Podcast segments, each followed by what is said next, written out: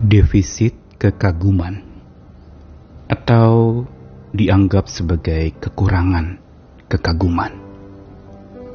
Ini biasa dimiliki oleh orang-orang yang jarang dikagumi atau jarang mendapatkan penghargaan atau jarang dipuji.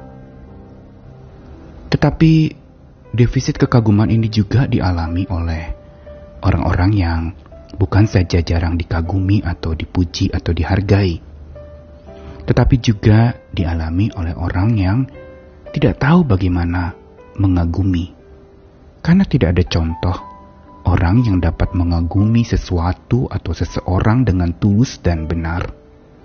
Dia tidak tahu bagaimana caranya karena tidak ada contoh untuk melakukannya. Atau defisit kekaguman juga bisa terjadi karena orang salah mengagumi. Salah mengagumi hal-hal yang sekilas saja dia lihat langsung dia kagum tanpa memperhatikan kedalaman apa yang dia kagumi. Atau kekagumannya hanya secara lahiriah apa yang tampak di depan matanya yang diterima oleh inderanya. Dan ini pun defisit kekaguman. Tetapi yang pasti adalah bahwa defisit kekaguman itu juga terjadi dialami oleh orang-orang yang punya cara pandang yang salah terhadap sesuatu atau seseorang. Karena cara pandang yang dangkal atau melihat sekilas saja, maka dia lalu kemudian tidak mengagumi atau mengagumi sekedarnya saja, bukan karena ketulusan atau keikhlasan, maka dia mengalami juga yang namanya defisit kekaguman.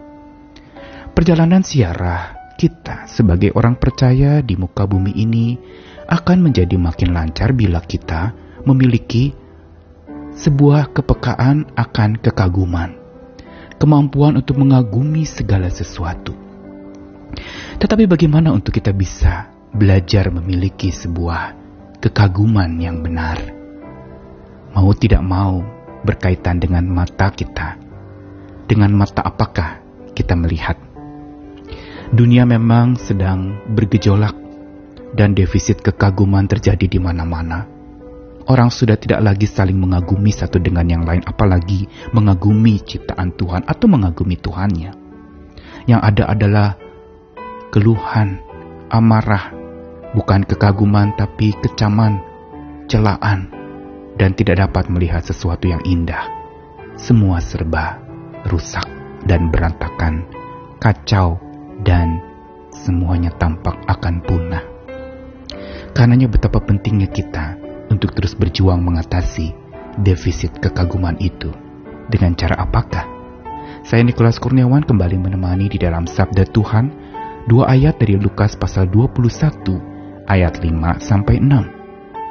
Ketika beberapa orang berbicara tentang bait Allah dan mengagumi bangunan itu yang dihiasi dengan batu yang indah-indah dan dengan berbagai-bagai barang persembahan, berkatalah Yesus, "Apa yang kamu lihat di situ akan datang harinya di mana tidak ada satu batu pun akan dibiarkan terletak di atas batu yang lain. Semuanya akan diruntuhkan." Apa yang Yesus katakan tentu saja mencengangkan banyak orang saat orang sedang mengagumi bangunan yang indah dengan batu-batu yang indah dan berbagai-bagai barang persembahan yang mengilaukan mata, Yesus malah mengatakan sesuatu yang seolah seperti meruntuhkan semangat mengagumi orang-orang yang ada pada waktu itu. Yesus berkata bahwa apa yang engkau lihat, apa yang engkau kagumi ini, akan ada waktunya di mana itu semua tidak akan ada lagi. Itu semua akan diruntuhkan dan bukankah apa yang Yesus katakan itu benar adanya? Tetapi sesungguhnya Yesus bukan sekedar mengatakan tentang bangunan bait Allah yang akan punah dan hancur di kemudian hari. Tetapi Yesus ingin mengatakan tentang sesuatu yang penting mengenai kekaguman atau mengagumi. Yaitu bahwa Yesus ingin memberitahu bahwa jangan sekedar mengagumi apa yang terlihat. Karena apa yang terlihat itu tidak akan dapat dilihat lagi tetapi mata imanlah yang mampu untuk melihat sesuatu melampaui apa yang terlihat. Yesus ingin mengajarkan kepada setiap orang pada waktu itu untuk memiliki kekaguman batinia, kekaguman rohani. Kekaguman bukan sekedar kepada apa yang terlihat, karena yang terlihat akan tidak terlihat lagi. Tetapi kekaguman terhadap sesuatu yang tidak terlihat di balik yang terlihat. Berarti Tuhan ingin mengajak setiap orang waktu itu memiliki mata iman di dalam ziarah hidupnya, memandang dan mengagumi dengan kekuatan Tuhan. Dengan mata iman yang melihat bahwa selalu ada sesuatu yang indah dan terindah di balik yang indah. Selalu ada sesuatu yang tak terlihat di balik yang terlihat. Dan yang tak terlihat itulah Allah kita, roh Allah. Itu yang mampu dan harusnya kita lihat sehingga kekaguman kita tidak akan punah oleh punahnya apa yang kita lihat itu lalu kemudian punah. Tetapi kekaguman kita adalah kekaguman spiritual yang melihat bahwa di balik segala keindahan-keindahan ciptaan ada Sang Pencipta. Di balik keindahan segala macam karya ada Sang Pencipta pembuat karya itu yang dengan tangannya menenun dan membuat begitu indah. Di sinilah sebenarnya mata iman kita terlatih.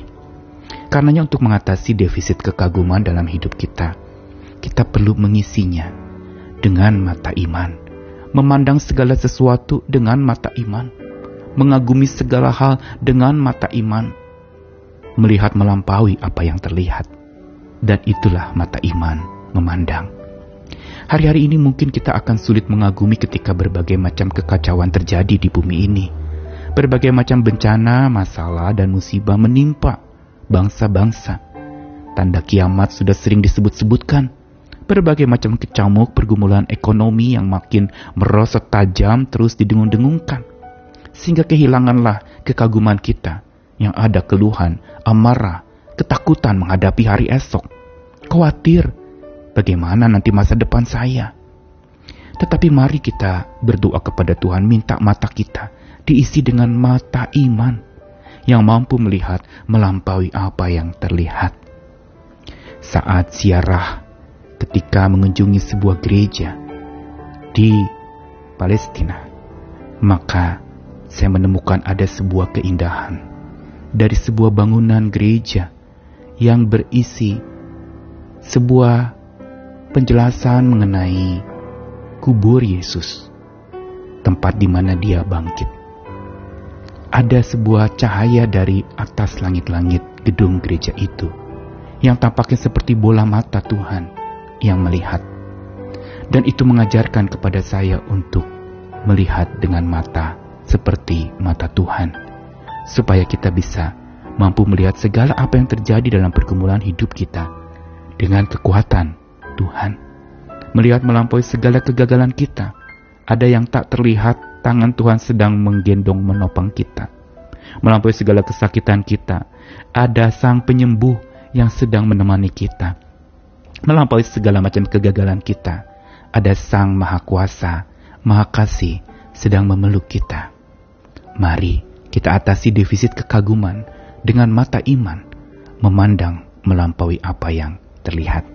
Tuhan mengasihi kita dan memampukan kita untuk tetap kagum hormat akan Tuhan dengan segala macam upaya yang juga asalnya dari Tuhan.